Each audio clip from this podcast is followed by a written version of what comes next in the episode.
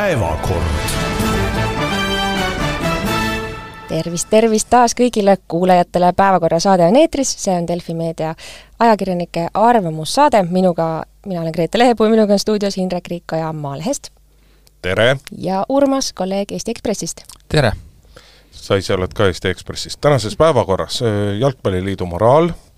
Kaja Kallas on asunud rünnakule, riik keelab äh, tätoveeringud, solaariumid ja mis kõik veel,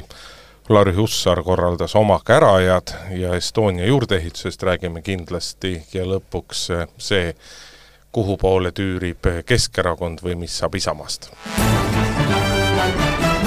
aga nagu lubatud, esimese teemana räägime Jalgpalliliidust Eesti Jalgpalliliit on spordiorganisatsioon ning seetõttu püüame võimalusel vältida deklaratiivsete seisukohtade esitamist ja seda eriti poliitilistel teemadel, nii ütles sellel nädalal siis Eesti Jalgpalliliidu avalike ja koostöösuhete osakonna juhataja Eeva Nõmme, sellepärast et kõik eh, küsisid kommentaare Aivar Pohlakult, Eesti Jalgpalliliidu presidendilt, aga sealt ei tulnud silpigi ja teemaks oli siis äh, UEFA ehk Euroopa jalgpalli katusorganisatsiooni otsus lubada U seitseteist võistlustele, mille finaalturniir kahe aasta pärast Eestis toimub, mängima ka Venemaa ja Valgevene meeskonnad. Ja noh, täiesti ootuspäraselt on see tekitanud suurt tormi Euroopas, kaksteist Euroopa riiki jõudsid äh, kiiresti öelda, et nemad kindlasti ühegi Venemaa meeskonnaga ei mängi, aga Eesti püsis vait kui sukk ja see põhjustas ikkagi väga palju kriitikat, Jalgpalliliit üritas nüüd kolmapäeva õhtul teha siis väikese vigade paranduse ja saatis välja pressiteate, kus ta ütles ka, et Eesti Eesti ei mängi, Eesti meeskonnad ei mängi Venemaa või Valgevene meeskondadega ja noh, ei ole saladus, et avalikkuse surve avalikkuse surveks Aivar Pohlak Eesti jalgpalli äh, tema kohta vist võib öelda, et mitte kroonimata kuningas, vaid ikkagi kroonitud kuningas, nii krooniraha kui mille kõige poolest äh, et noh, avalikkuse kärast nii palju ei hoolita, aga suurtoetajad olid need, kes tulid ütlema, et kui nüüd äh, ruttu kuidagi seda olukorda ei parandata, siis me ei saa teid enam toetada. Väga õige, et toetajad seda tegid, väga õige ka, et osad jalgpallurid ja jalgpallimaailma inimesed äh, ütlesid, et mis siin, mis siin nagu on muretseda ja mis on nagu jutu pulka on veeretada Pohlakule, igaüks peaks tegema moraalse otsuse ja hinnangu andma ja nii ka tehti. selles mõttes on mul hea, mul lihtsalt jääb taaskord nagu suu hämmastusest lahti, kui ma vaatan, et kui mitmes skandaal see pooleteist aasta jooksul Jalgpalliliidul on juba samal teemal. me oleme siin korraks minu meelest arutanud juba seda Venemaa suunalist juttu ja et ikka veel äh, liit nagu organisatsioonina ütleb, et noh, ma ei tea, vaatame ja ega siin on nüüd ju alaealised lubatakse, et ei tohiks ikka karistada täiskasvanud, kuidas, kuidas need argumendid enam üldse saavad tunduda mõistlikud ja millal sellest õpitakse ja mul on hea meel, et ähm, et need Jalgpalliliidu inimesed tegelikult äh, vaikselt vaikselt julgevad Pohlaku diktatuuri murda. ei no asi ei ole äh, mingi diktatuuri murdmises selles mõttes, et äh, kui, kui, kui rahastajad oleks vait, siis, äh, siis pandaks meil tuima nii, et äh, tolmab, et äh, poleks seal kellelgi mingit küsimust. lihtsalt kui, kuna rahastajad on eraettevõtted, kes kes on näinud, mis on toimunud teiste firmadega, eks ole, kes on siin võib-olla püüdnud kuidagi vingerdada, laveerida ja kellel on, kellel on see kompass nagu ka põhimõtteliselt õige koha peal, mm, no neil ei ole mingit võimalust, sest et nad teavad, et järgmine ring on neile küsimusi kui, äh, kui nii-öelda liit läheb pai-, oma otsuses paigale. et selles mõttes neil ei ole mingit valikut ja ilmselt siis Jalgpalliliidu inimesed said ka sellest aru äh, ja noh, põhimõtteliselt me võime öelda ikkagi, et selle otsuse tegi ära raha, mitte see, et keegi oleks saanud valgustatud sellest, äh, kuidas need asjad on, et siis, siis oleks see tulnud kohe, aga aga siin mulle tundub, et ikkagi natukene vaadati seda nii-öelda vaata, mis kui, seis on. kui eraettevõtetes on nii, et äh, kui juhtorgan, tippjuht organisatsioonis ajab täielikku pada, teeb äh, ettevõtte mainele kahju, siis äh, esiteks sa saad nõuda põhimõtteliselt rahalist hüvitist sellelt inimeselt või kompensatsiooni näiteks, ja teiseks nagu lihtsalt seda inimest ei peaks laskma tegutseda seal, et kes on see, kes Aivar Pohlaku päriselt nüüd liistule võtab ja lõpetab ära selle, et Eesti Jalgpalliliit pidevalt nagu maineliselt mudas on? Need inimesed peaksid olema Gert Müller, Ainar Leppänen, Tarmo Lehiste, Teet Ilves, Aapo Vaher, Priit Penu, Marek Lemsalu, Eduard Rõõsov, Mart Poom, Danil Savitski, Are Altraja ja Anastasia Morkovkina,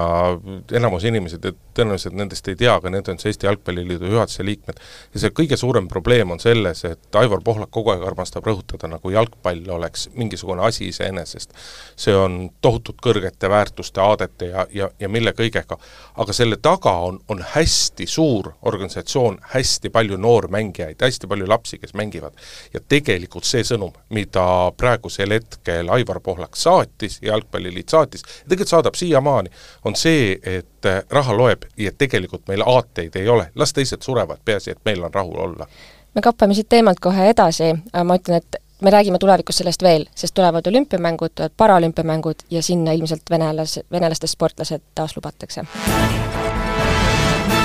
Ka järgmine päevakorrapunkt, äh, Kaja Kallas, äh, noh, kuidas öelda siis, äh, kas teeb ise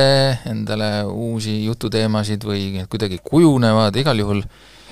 Läheb, läheb muudkui nii, et ei teagi, kas ongi järel kedagi, keda ei ole kritiseeritud või kes ei ole kuidagi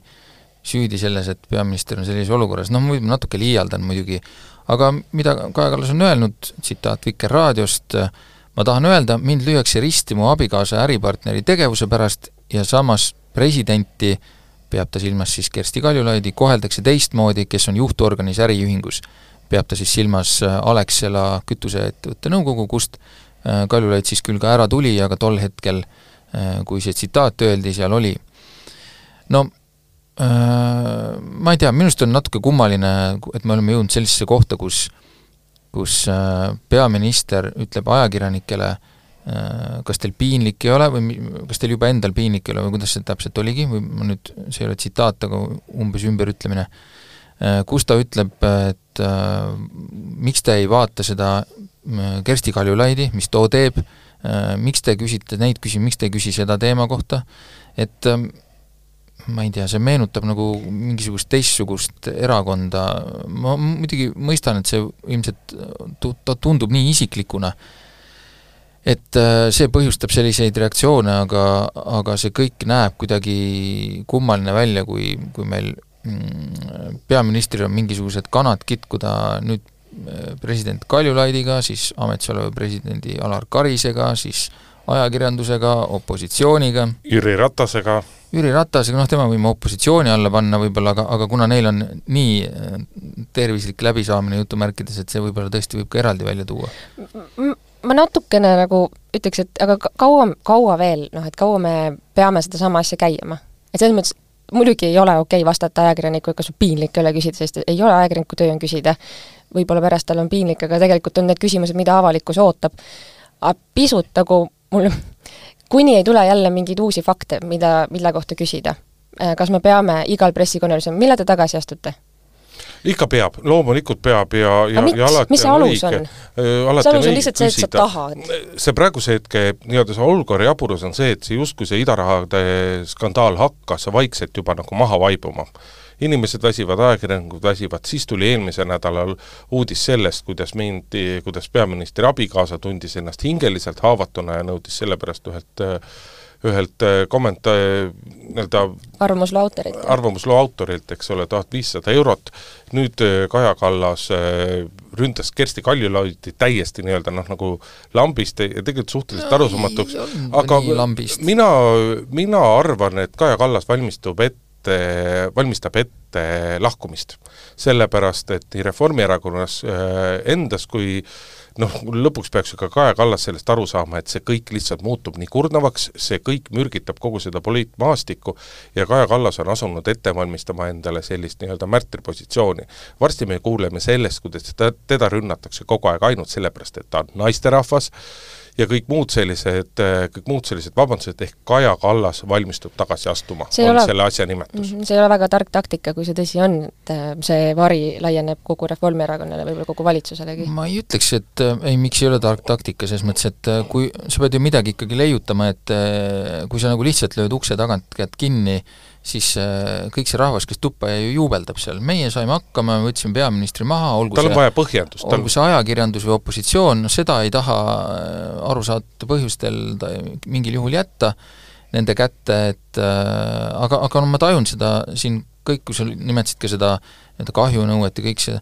see ikka väga näitab sedamoodi, et äh, seda tajutakse üliisiklikult äh, praegu, et, et kõik see toimuv on hästi isiklik äh,, ja mingil maani on see tegelikult isegi nagu mõistetav. aga jah, et tervikuna see nii-öelda olukorda kuidagi paremaks ei tee, ma olen nagu nõus, et jah, see nagu juba vaibub ja siis, siis kuidagi nagu, kuidagi nagu ise tõstetakse esile mingisugused järgmised punktid, mis annavad põhjust kui mitte nagu esimeses lauses kuskil uudises seda mainida, vaid kuskil taustana ikka ära, et see, et noh, see tuleb nagu sealt. et milleks seda teha, ma ei tea, et, et kui mul on, mul on imelik seda öelda, mul on imelik seda öelda, aga aga kujutame ette näiteks, ma ei tea, Jüri Ratast sellises olukorras, et äh, kui ta oleks äh, selliseid süüdistusi käinud pildumas, äh, noh, kõik teeksid ta pulbriks, et äh, kuidas nüüd niimoodi, ainult, ainult üks nagu vasturündamine äh, ja võib-olla me või peame hindama siin ka ümber seda, et kui palju äh, Ratas tegelikult võib-olla näiteks hambaid kirgistades välja kannatas. no ikka väga-väga palju kannatas no, välja et see kõik oli ikkagi noh, Kaja Kallase ümber toimuva morsipidu, aga sellest mida Kaja Kallas valesti on teinud ja mis on valesti, sellest ei saa Kaja Kallas ikkagi aru. Ja ma lõpetuseks annaksin ühe lugemissoovituse, Maalehes on intervjuu jubilar Siim Kallasega. ja kui te seda loete, seda, kuidas Kallas vastab küsimustele või õigupoolest mõni mõnelegi küsimusele ei vasta, milline on see tema suhtumine ja attitude, siis tegelikult ei ole imestada, miks tema tütar niimoodi käitub ja ei saa aru, mis valesti on, sest et kui sa oled üles kasvatatud, see, üles kasvanud sellises keskkonnas, selliste arvamuste keskel, sellise suhtumise keskel, siis kõik see on täiesti no, loogiline. mina nii pikka para paralleeli võib-olla ei tõmbaks, aga, aga noh, hea küll. ka, et nad on ammu juba eraldi kolinud ähm,. hea küll, vahetame siis teemat. riik keelab tätoveeringud, solaariumid kärbseseened. no see on väga sensatsiooniline pealkiri, mis ma praegu ütlesin ja päris, päris nii ei saa, teen kärbseseentele liiga muidugi, kui ma nii ütlen, aga põhimõte siis ehk uudis, mis täna, sel nädalal ähm, meile silma jäi, oli see, et äh, tehakse uut seaduseelnõud, rahvatervishoiu seadust muudetakse, mitu, peaaegu kakskümmend aastat pole seda tehtud, ja see mõte on selles, et oleks alus trahvida või võtta vastutusele inimesi, kes müüvad igasugust jama meile no näiteks siis kärbseseene kapsleid või MMS-i, ehk siis asju, mis tegelikult teevad meile paha, on, on mürgised ja, ja absoluutselt tegelikult meid ei ravi mina tahaks EHA-le riigile ettepaneku, et kõik selle küsimused võiks lahendada palju lihtsamalt. tuleks võtta vastu seadus, et riigis keelatakse rahval olla lollid ja tuleb moodustada kuueliikmeline, aga võib-olla ka viieliikmeline tõekomisjon, kes ütleb siis vastavalt vajadusele, mis on lollus ja mis ei ole lollus, ehk mis on keelatud ja mis ei ole keelatud. no ma üldiselt olen jaa ka selle no suhteliselt liberaalse vaatega, eks ole, nõus, aga aga nii palju muidugi põhjendusi seal on, et kõik ei suuda ennast kaitsta selle vastu. et kuskilt tuleb ikkagi mingi piir, piir nagu tõmmata, et, et et päris, me noh, me teame, et reklaam mõjub, eks, et muidu ei oleks seal mingit mõtet Äh, aga kuidagi tuleb mingeid inimesi võib-olla ka kaitsta, et tõesti, et, et neile, neile lihtsalt ei pakutaks mingisugust, mingisugust uh, hullust. Ja no et kas, kas see, et ähm, enne kaheksateistkümnendat eluaastat sa ei saa astuda siis tätoveerimissalongi või solaariumisse, kas see on nüüd see oluline asi, mida riik peab reguleerima, sarnaselt siis alkoholi ja tubakaga näiteks? ma ei tea, kas peab, et äh, võib-olla ei, ei pea, pea., ei, ei kindlasti ei pea, sellepärast et meil on tuhat olulisemat, tuhat olulisemat probleemi, mille eest tuleb lapsi aga miks siis alkoholist me peame kaitsma? et äh, meil, et meil räägitakse tänasel hetkel, viidatakse alkoholi, alkoholile viiakse, viidatakse narkootikumile, öeldakse, et alkoholi ja narkootikumide tarvitamine on ajaloo kõige hullemas seisukorras. see, mis toimub noorte seas mõningate psühhiaatrite hinnangul, et see on täielik epideemia ja katastroof, katastroof, mis toimub. aga sellega tegeletakse minimaalselt, noh, no mida sa lähed keelama, tätoveerimist või sa lähed keerama, no piisab sellest, kui pi-, kui alla kaheksateistaastaselt nõutakse vanema nõusolekut või mis sa lähed keelama? Solaariumit, et kuulge, see on natuke üle piiri, jah. kuulge sõbrad no.. aga kõik, kõikide selliste asjadega on üks väga oluline asi, kui sa kehtestad mingi piirangu, siis sul peab olema võimekus ka selle piirangu täitmist kontrollida. No ma tahan seda tahaks seda päris näha, et kuidas see nagu täpselt siis toimuma hakkab, kas meil hakkavad olema mingid reidid solaariumitesse, et eh, kas seal äkki leidub mõni alaealine järjekorras ootamas või tätoveerimissalongis, või siis eh, noh, munitsipaalpolitseil no, okay, oleks just tööd ju. ma saan aru, see, see mõte on see, et, et survestada siis neid salongide ova-, omanikke siis nagu hoolikamalt jälgima, ilmselt siis mingisuguse trahvi ilmu, hirmus, kuidas muidu, et siis neile ei satuks neid alaealisi kliente, eks aga noh, see jälle, kõik sõltub jälle sellest, et kuidas see kontroll siis näiteks tagantjärgi hakkab toimuma või või mm, ma ei tea, mismoodi see, ma võin tuua siin absurdseid näiteid, ma tegelikult ei hakka, et see läheb võib-olla natuke imelikuks ära, aga, aga on igasugust viisi, kuidas saab ju seda kontrollida, ainult et keegi peab hakkama seda tegema ja keegi peab selle kinni maksma ja kes selle kinni maksavad, oleme muidugi meie ja mingid ametnikud tuleb võtta selleks, mingid inimesed, kes peavad hakkama seda tegema. ütleme, see põhimõte, et need inimesed, kes meile igasugust umbluud müüvad ja selle pealt teenivad, absoluutselt see on õige et aga mul on küsimus, kas seda näiteks ei saa kelmuse paragrahvi all aga tegeleme selle libameditsiini, tegeleme selle umbluuga, mis asja me selle tätoveerimise ja, ja, teine, ja, ja solaariumitega teine muidugi küsitav asi on see näiteks, et ähm, ka igasugust mingeid terviseteenuseid jutumärkides pakuvad mingid, ma ei tea, lähed sinna mingit massaaži tegema või mis iganes asja, mida väidetakse, et see on jõle tervislik, et siis äh, noh, Riina Sikkut tutvustas, et äh, peab nä-, ette näitama see, selle terviseteenuse pakkuja, et ta on nagu litsenseeritud. no aga kui seda masina müüja ise litsenseerib seda inimest, et jah, tema on nagu adekvaatne seda masinat kasutama, see on täiesti kasutu litsents.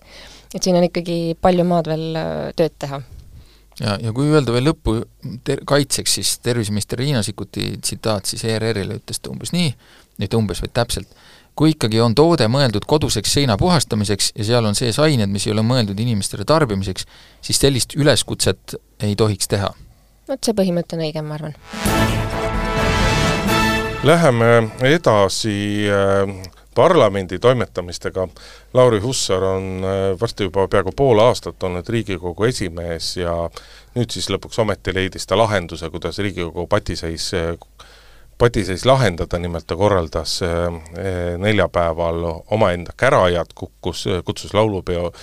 vabandust, mitte laulupeole, vaid lauluväljakule kokku. no eks see ole ikka rah-, eh, demokraatia laulupidu jällegi. just, demokraatia, hulga, hulga inimesi, kes siis pidid nagu nõu andma äh, nõu andma, küll seal oli Kersti Kaljulaid, Eiki Nestor, Märt Rask, oli refo-, endisi reformierakondlasi, endisi sotse, endisi Isamaa, isamaalisi, aga noh, ega sellest kasu lõpuks mitte midagi ei, ei olnud, sellepärast et äh, opositsioonile parlamendis ta ei hakanud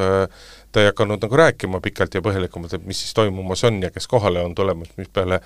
ainsa opositsiooni esindajana kogunes Karajatele või õigupoolest seda vist nimetada ekspertkoguks või mm -hmm. kuidas see täpselt oli, Enn Eesmaa Keskerakonnast, ehk tegelikult me võime kokku võtta, et Lauri Hussar tegi täiesti mõttetu asja ja korraldas selle täiesti mõttetu asja millele tõenäoliselt kulus päris mitu tuhat head eurot, millest riigil on meil ju teadupoolest tugevalt puudus, kuigi paljud sinna kogunenud inimesi, kes seal ka ettekandeid tegid, on juba ammu öelnud, et see on parlamendi lahendada, on, kuidas sellest patiseisust üle saada. ja parlamendi esimees, samamoodi nagu peaminister, peaks ükskord aru saama sellest, et tuleb opositsiooniga sõlmida kompromiss ja kompromiss tähendab seda, et mõlemad pooled annavad, annavad järgi, mitte nagu siin sügisistungjärgi, järgu alguses vahetult ennem seda pakkus Lauri Hussar kompromissiks välja, et opositsioon võtaks kõik oma esitatud arupärimised ja eelnõud tagasi. nii ja, ei leita kompromissi no,, nii ei jõuta lahendusele. kas sa arvad, et EKRE tuleb siin siin suuremeelselt vastu mingite asjadega, minu meelest lubasid nad tuld ja tõrva meile kevadel ei, korraldada. kindlasti nad ei tule ma olen nõus, et keegi peab aga, astuma esimese sammu, jaa. kindlasti nad ei tule vastu, aga just nimelt tuleb astuda esimene samm ja astuda ka selline samm, mis nagu sammumoodi on, mitte see, et olge head, teeme kompromissi, tehke palun nii, nagu meie tahame. et noh, see ei vii mitte kuhugi. ma nagu täitsa maha neid kärajaid ei kannaks, selles mõttes, et äh, miks mitte, nagu seal on koos väga targad, väga nagu asjatundlikud inimesed. on Eesti riigis küll ja, ja küll võngu kuulutatud, ei ole, sellel ei ole mitte aga, mingisugust mõtet. aga võib-olla Lauri Hussar sai sealt täna absoluutselt mingisugust uut ähm, äh, enesekindlust. aga tehku enda raha eest, mis ta riigi raha kulutab sellise no, jama jaoks no see on ikkagi, see on ikkagi tema ülesanne tegelikult tõesti seda lahendust ka nagu otsida, on ju, ja siis ta peab kindlasti näitama, kuidas ta seda otsib et äh, selles mõttes ma olen nõus, et äh, see on suhteliselt, no sealt midagi väga tulla ei saa, seal need inimesed, kes sinna on kogunenud, no väga pa-, väga mitmed neist on juba avaldanud oma arvamust, kuidas seda olukorda võiks lahendada, et võib-olla nad jätsid mõne idee paremaga tasku, just selliseks puhuks, aga noh, tõenäoliselt on nad välja käinud oma mõtted, kuidas see asi peaks toimuma. Et äh, no tõesti, sealt võib tulla küll mingisuguseid ideid, eks, aga nüüd, kui me vaatame seda situatsiooni, siis see on selline, et EKRE-l on ju väga konkreetsed nõudmised Nende, ei ole ju niisugust olukorda, et et ai, me ei tea, kuidas me neid nagu pardale saaksime, nemad on öelnud, et Kaja Kallas peab tagasi astuma ja peale seda me ei tea, mis tuleb, varem oli see nõudmine see, et tuleb äh, abieluvõrdsuse,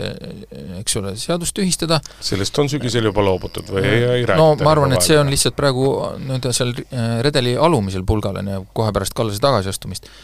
aga, ja nad on veel lisaks öelnud, et nende eesmärk on, oleks põhimõtteliselt erakorraliste valimiste esilekutsumine. et nüüd koguneda arutama äh, mingisuguseid ideid, mis siis läheksid nendest äh, nii-öelda äh, noh,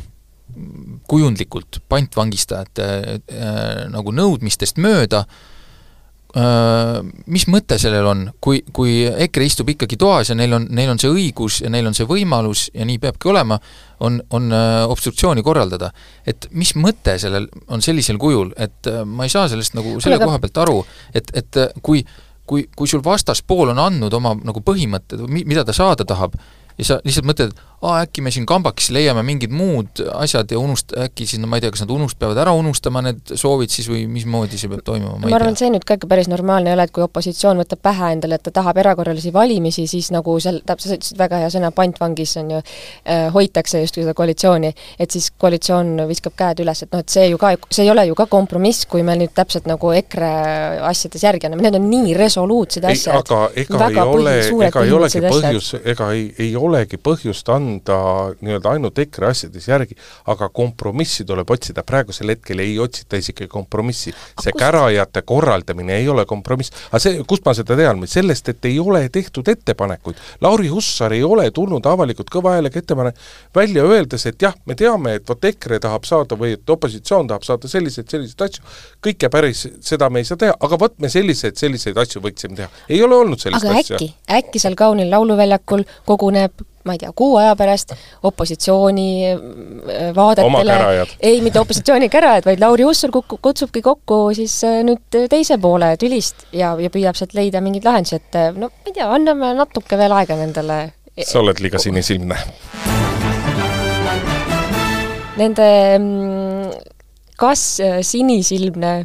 või ma ei oska, siit ikkagi ei ole head üleminekut ähm,, sest sinisilmsed vist keegi ei ole, et äh, Estonia teatri juurdeehitusega ma ütleks, et see on nagu punnseis ikkagi. Äh, et Estonia mm, enda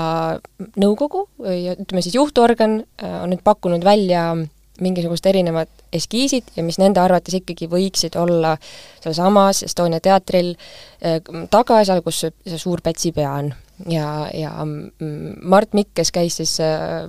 Vikerraadiost, kuulasin, kuidas ta käis tutvustamas neid uusi plaane, ütles, et äh, et ka Pätsi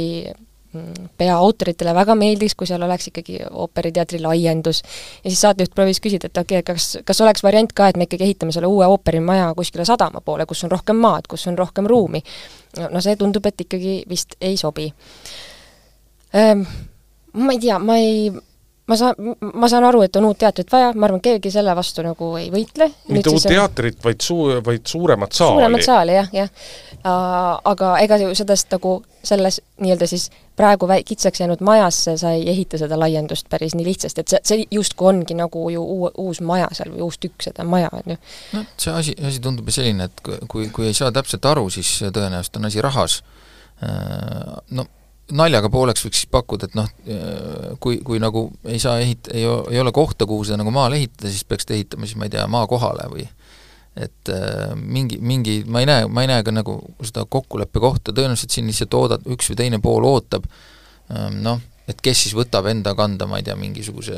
teatud summa eest, ma arvan, on see lõpuks ikkagi nagu tehtav, ainult et kes, kes peab selle kandma ja kuidas, eks see, eks see tõenäoliselt kuhugi sinna jääb.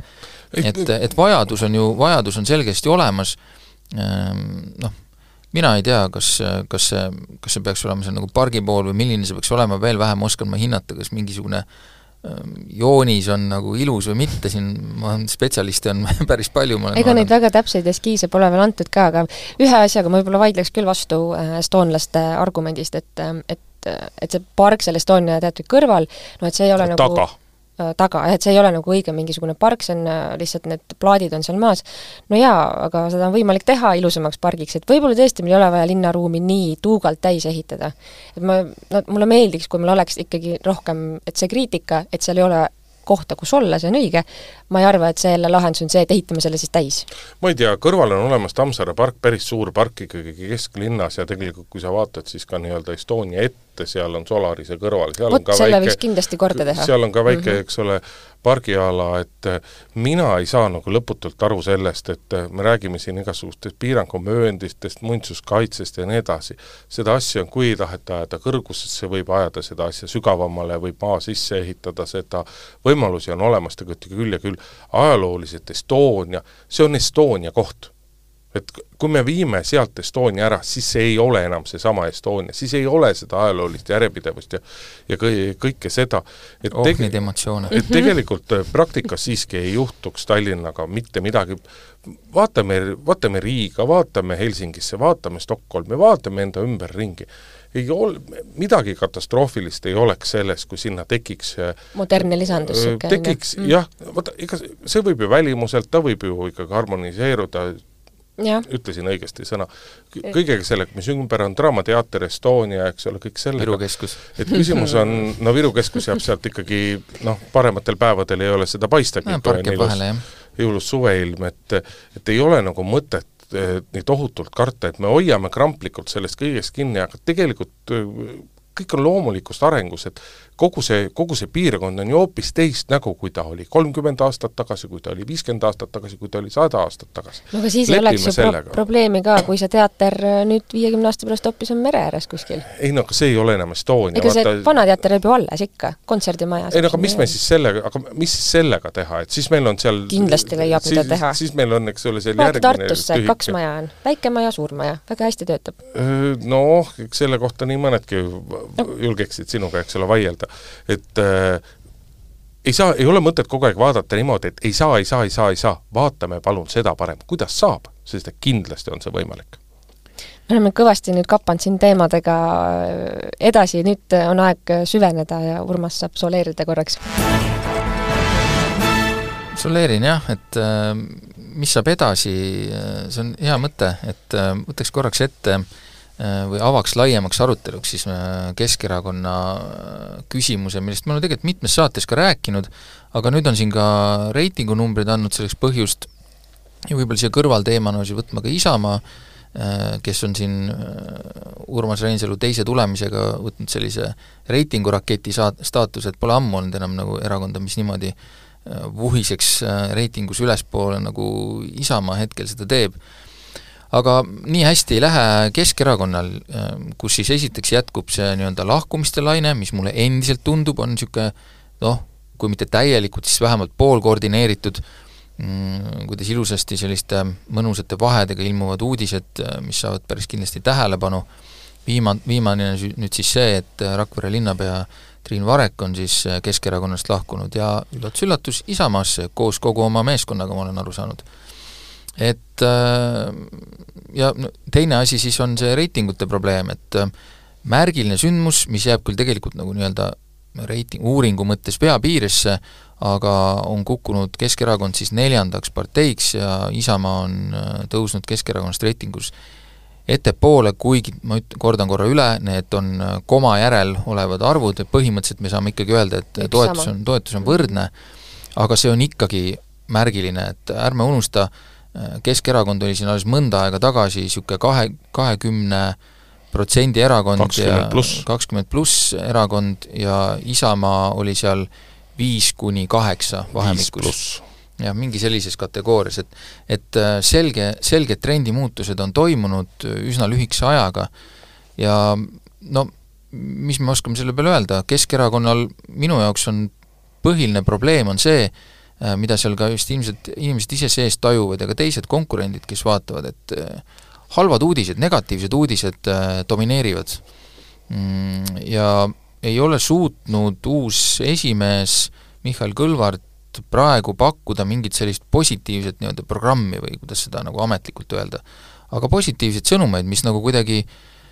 tekitaksid sellise teistsuguse fooni, et et, et mis siis nagu hakkab muutuma või kuhu hakatakse liikuma, et no jällegi, me vist eelmine kord ka sellest rääkisime, aga mina ei, et, et ei vist ei leppinud ka kokku, kas kas võib pärast ütleme, kolme või nelja nädalat,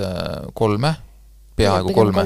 minu arust me rääkisime sellest nõuda... ennem saadet sinuga, aga võimalik, me ei rääkinud et... Äh, eelmises saates. jaa, et kas, kas võib nõuda selle aja peale esimehelt juba nagu juhilt mingeid tulemusi, kes juhib päris suurt organisatsiooni? et äh, sellise noh, organisatsiooni juhtimise mõttes mulle tundub, et see on kindlasti vä-, väike aeg, et, et saada positiivseid või mingeid selgeid muutusi näha, aga võib-olla see ei ole äh, väike aeg selleks, et esitada seda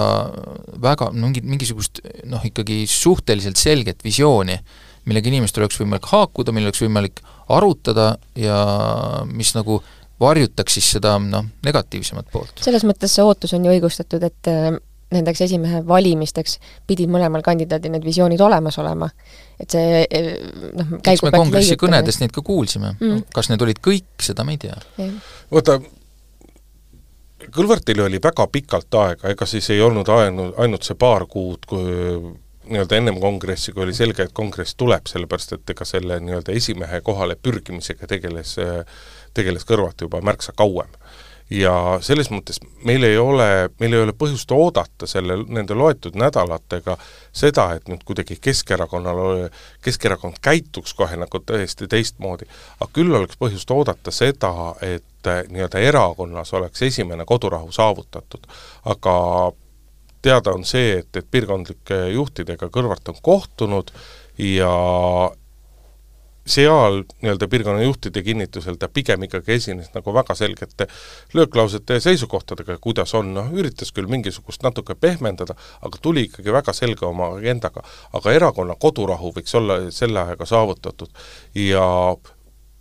meie rääkisime siin ennem, ennem, ennem valimisi äh, oma saates sellest ja, ja paljudes muudes kohtades räägiti, et Kõlvarti valimisega nii-öelda kõige suurem riskikoht ongi see, et Eesti inimene ei suuda võtta nii selge vene taustaga inimest erakonna esimehena, ammugi siis mitte peaministrina, ja sealt kohast hakkab toetus ära kaduma ja täpselt see kõik ongi ju juhtunud. eestlaste seas toetus langeb,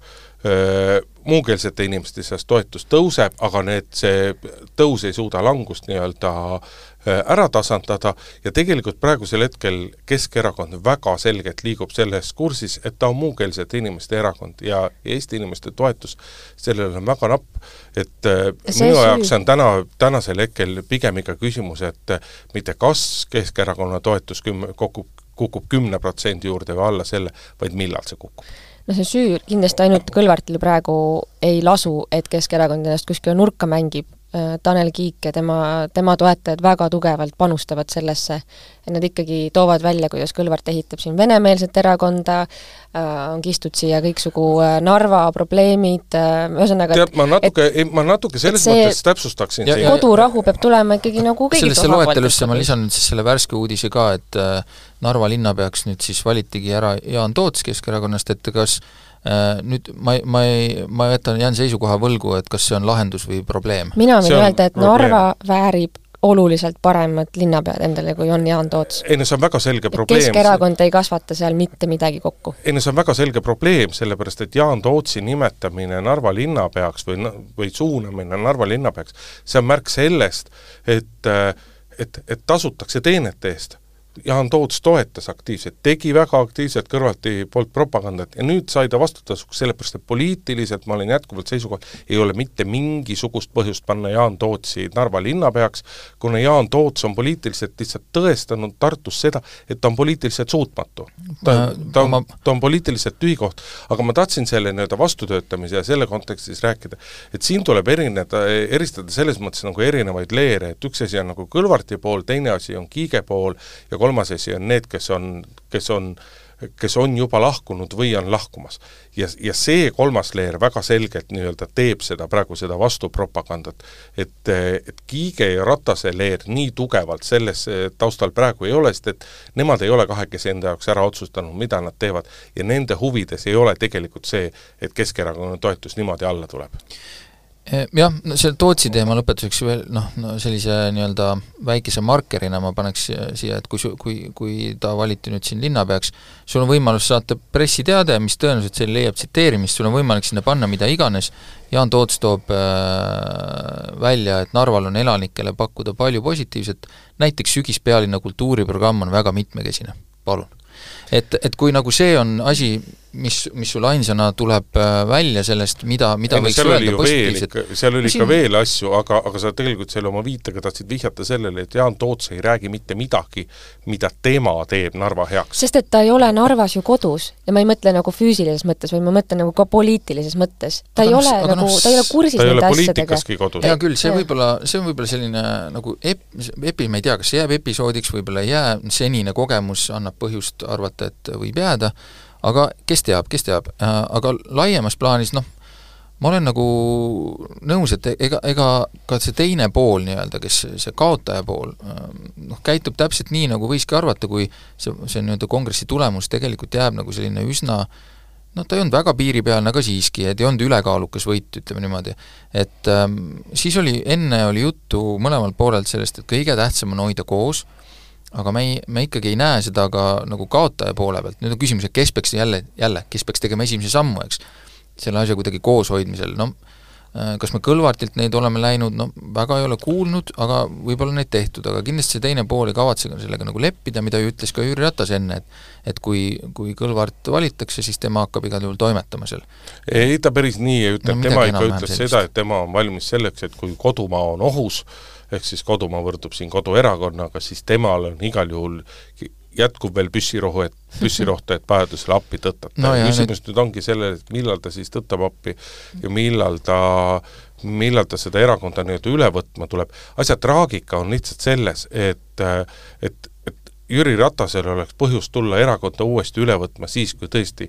toetus on kukkunud, ma ei tea, kaheteistkümnele protsendile, kümnele protsendile, kaheksale protsendile, aga sealt aga, aga kui Keskerakonna-sugune erakond on kukkunud nagu sellisele tasandile, siis sealt uuesti ülestulek, sealt uuesti poliitilise tüpp, tipu murdmine, see vältab aastaid ja aastaid ja aastaid. kaks asja kontekstiks, et ähm, see Keskerakonna reitingu langus juba Ratase ajal ju tuli, et äh, see, see protsent, mis on siin kukkunud, äh, vaatan kohe kuupäevaliselt järgi, ahah, et ähm, no suve keskel oli see veel kaheksateist protsenti, on ju, ja praegu siis on viisteist protsenti. et see äh, kolme kuu pikkune matsakas, mis on käinud, see on siin varem ka ilusti joone peal näha, et Jüri, Jüri Ratas väga ilusasti hakkas seda reitingut allapoole vedama. ei muidugi teiseks..., me oleme ju rääkinud, ta üritas erakonda ausaks muutuda, aga ja. sellise asja järgi ei ole sotsiaalset tellimust Te teiseks, äh, Kõlvart, ähm, Kõlvarti üks iseloomujooni võib-olla on ka see, et ta ähm, ei kaaguta nii palju, kui ta muneb et, et ta ei ole selline noh, bravuurikas tegelane, kes läheks ja, ja, ja lärmaks ja helistaks ise võib-olla ajakirjanikele, noh ma ei tea, nagu Jaanus Karilaid võib-olla, on ju, kes hästi on väga jutukas ja, ja väga bravuurikas, et Kõlvart ähm, teeb asju võib-olla vaikselt, et võib-olla me sellest kõigest sa, ei kuule. kui sul on vaja soost välja rabeleda, siis, siis sul on vaja kõiki neid omadusi, sul on kõike nõus, seda et, vaja et, teha. et tegelikult erakonna liitmiseks oleks vaja ka mingisugust avalikku sellist statement'i ja võib-olla osaleda rohkem nagu päevapoliitilistes aruteludes, et võtta tähelepanu ära rohkem sellest enda ründamiselt. ja kui te tahate aru saada, millist inimest umbes Grete silmas pidas, siis mõelge näiteks äh, selle inimese peale, kellest võiks nüüd rääkida, Urmas Reinsalu kes on siis ju Isamaa esimees ja kes teeb täpselt seda, et et küll ka muneb, aga kaagutamist on kõvasti, nii, nii heas mõttes kui ma ei halvas tea, millal mõttes. see muni muna viimati tuli. noh, on Kus- neid ikka tulnud, ma ei ütleks, et üldse- välisministrina oleks olnud äh, väheedukas äh, Jaa. aga, aga jaa, aga erakonna tõus on tulnud pärast seda, kui ta välisminister ja tead, tead, miks minu teooria on see, et see tõus ongi tulnud sellepärast, et äh, nagu seda tühja ärplemist ja kaklemist on vähemaks jäänud, ehk siis Isamaa uudised puudutavad seda, kes lähevad Keskerakonnast Isamaasse üle ja nad nagu muudel teemadel lollusi ei räägi ja tehtud. vot minu arust on, on siin küll selge on see, et äh, Keskerakonna languse ja Isamaa tõusu vahet ei ole, vahel ei ole nagu väga selget seost. arvad, et see ei olegi Jaanus Karilaiu isiklik jaa, et see ei ole Tõnis. Möldri, Jaanus Karilaiu ja kõigi teiste, pigem on, pigem on Isamaal selles mõttes praegu nagu hea, hea põli ja seda ta toetab, et kuna nagu Reformierakond teeb kõik selle nimel, et oleks võimalikult palju rahulolematuid inimesi Eestist, et Reformierakonna enda toetus küll ei ole kasvanud, aga näiteks Eesti kahesaja oma on see-ees kolinal kukkunud. et eh, pigem nii-öelda Reinsalu suudab Isamaast näit-, Isamaad näidata rahvusliku, patriootliku, asjaliku, inimestest hoolivana, aga mitte äärmuslikuna nagu EKRE aga ja sealt natu- tuleb tema tõus. kas natuke ka populistlikuna, sest et ole, olgem ausad, et äh, Seedri juhitav Isamaa äh, oli nii-öelda noh, kuidas ma ütlen, nišipartei või mingid kindlad teemad, mida aeti ja väga seederlikult äh, tegeleti nende mingite kindlate teemadega äh,, mis olid, mis olid nagu fookuses ja seal nagu sellist ülemäärast äh, vahtu nagu ei olnud. olid aated ja ideed, millel ei pruukinud olla sot-, sotsiaalset tellimust, aga selle eest olid aated ja ideed. ja raha. ja, ja nüüd me oleme, nüüd meil on selline Isamaa, kes äh, ja me, me ei pea siin silmas seda populismi all nagu silmas seda nagu kõige halvemat varianti sellest, vaid just nagu midagi sellist äh,, noh, kes on erakond, kes on nagu igal peol nagu kohal kogu aeg, et, et äh, midagi on öelda, midagi on arvata äh,, mingisugused mõtted igal, igal erineval teemal ja noh, eeldatavasti ka siis sellised mõtted, mis, mis võiksid võimalikult laia äh, ringkonda puudutada, kus sa, kus opositsioonis olles ju veel eriti ei pea pakkuma ideid, vaid äh, tuleb öelda, mis on valesti ja tuleks, et tuleks teha teisiti. et äh, seda on äh, Urmas Reinsalu kindlasti teinud ja ma arvan, et sellel on olnud ka mingi teatav mõju, et et ähm, võib-olla natukene on suutnud ikkagi sellist tolmu maha rapsida küll, noh, jah, ma olen nõus, olud on ka mänginud hästi ka-, hästi kaasa, aga aga võib-olla Reinsalu teine tulemine erakonna esimeheks, tuletan meelde, ta on ühe raksu seda ka juba olnud, võib-olla läheb paremini, et et pole nüüd nagu võrrelnud, aga mulle veidi tundub, et Reinsalu on muutnud oma nii-öelda poliitilist käitumist sellest ajast, kui kui ta viimati erakonda juhtis miljoni dollari küsimus siinkohal on ikkagi tegelikult see, et kuna teadupoolest nii-öelda kõrgustest kukkuda on palju lihtsam kui äh, kuristikust üles tõusta, et kas ilus. no vot, kaunid kunstilised väljendid, kas äh, Urmas Reinsalul jagub seda püssirohu, püssirohtu peaaegu kolmeks aastaks, oi, kindlasti. et noh, loodame, et see ei ole ainult püstloodis tõus, sest et muidu meil tuleb Isamaa ainuvalitsus, eks ole pärast järgmisi valitsusi. aga kas on nii-öelda, kas, kas on seda suutlikkust, et tõsta oma see toetus sinna kahekümne protsendi kanti, mingil hetkel peab paratamatult selle jaoks, et Isamaa saaks tõusta, ka EKRE hakkama lange, langema, aga et siis ka nii-öelda jääda ja hoida ja säilitada seda Püssiroht. positsiooni püssirohtu on, kas on tarkust, et seda mitte valede kohtade peal paugutada? ja üks huvitav asi on veel see, et mis saab äh, nii-öelda nende Seedri aegsetest äh, nii-öelda prioriteetpoliitikatest, et need kindlasti ära ei kao, aga huvitav oleks jälgida, kas need aktsendid kuidagi muutuvad. Et äh, mul ei ole mingit põhjust arvata, et äh, Urmas Reinsalu, ma ei tea, hülgaks perepoliitika või ma ei tea, omanike eest seismise või mingid sellised asjad, mis, või selle pensioni teema, eks ole, mis on olnud Isamaal Seedri ajal nagu põhiteemad, aga kas, kas seal mingid aktsendid liiguvad kuhugi, et kas midagi tõuseb nagu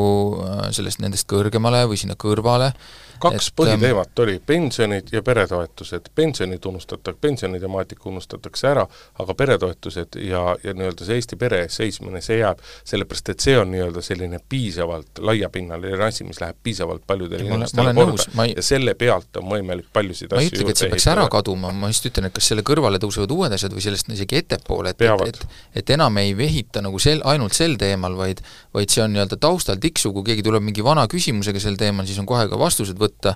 et äh, seda saab olema huvitav jälgida ja mis see nagu kaasa toob, et kas see toob siis nagu äh, nii-öelda äh, selle reitingu tõusu, kui mitte jätkumise, siis vähemalt stabiliseerumise kuskil kõrgemal tasemel. kas nüüd hakkavad reklaamiminutid? Jaa, teate, meil on selline uudis, et me tegime Twitteri konto, kuhu me siis äh, proovime iga nädal anda teada, kas meie saade on valmis ja siis äh, jagada teile kohe kohta, kust saate minna seda kuulama. Äh,. ja teiseks võib-olla ka võiksime tekitada pisut diskussiooni, saate ka pakkuda äh, päevakorrapunkte meie, meie programmi igal nädalal, nii et võtke meiega julgesti ühendust äh,, Päevakord saade on see meie Twitteri mm, kasutaja nimi ja loomulikult, et te saaksite, mm, võite meiega ühendust võtta teistes kanalites ka loomulikult. Ja et iga uus saade teile kiiresti kohale jõuaks, siis äh, Delfi tasku äpi kaudu näiteks märgite meid lemmikuks, saate kohe teate, aga mis tahes muudes ähm, podcasti äppides, rakendustes oleme ka olemas, nii et äh, likeige ja subscribe, subscribe ige meid, kui niimoodi koledasti öelda. Grete Lehepuu, Urmas Jaagant ja Indrek Riik olid stuudios, tänud kuulamast ja tuleval reedel hommikul loodetavasti kell üheksa läheb uus saade üles. päevakord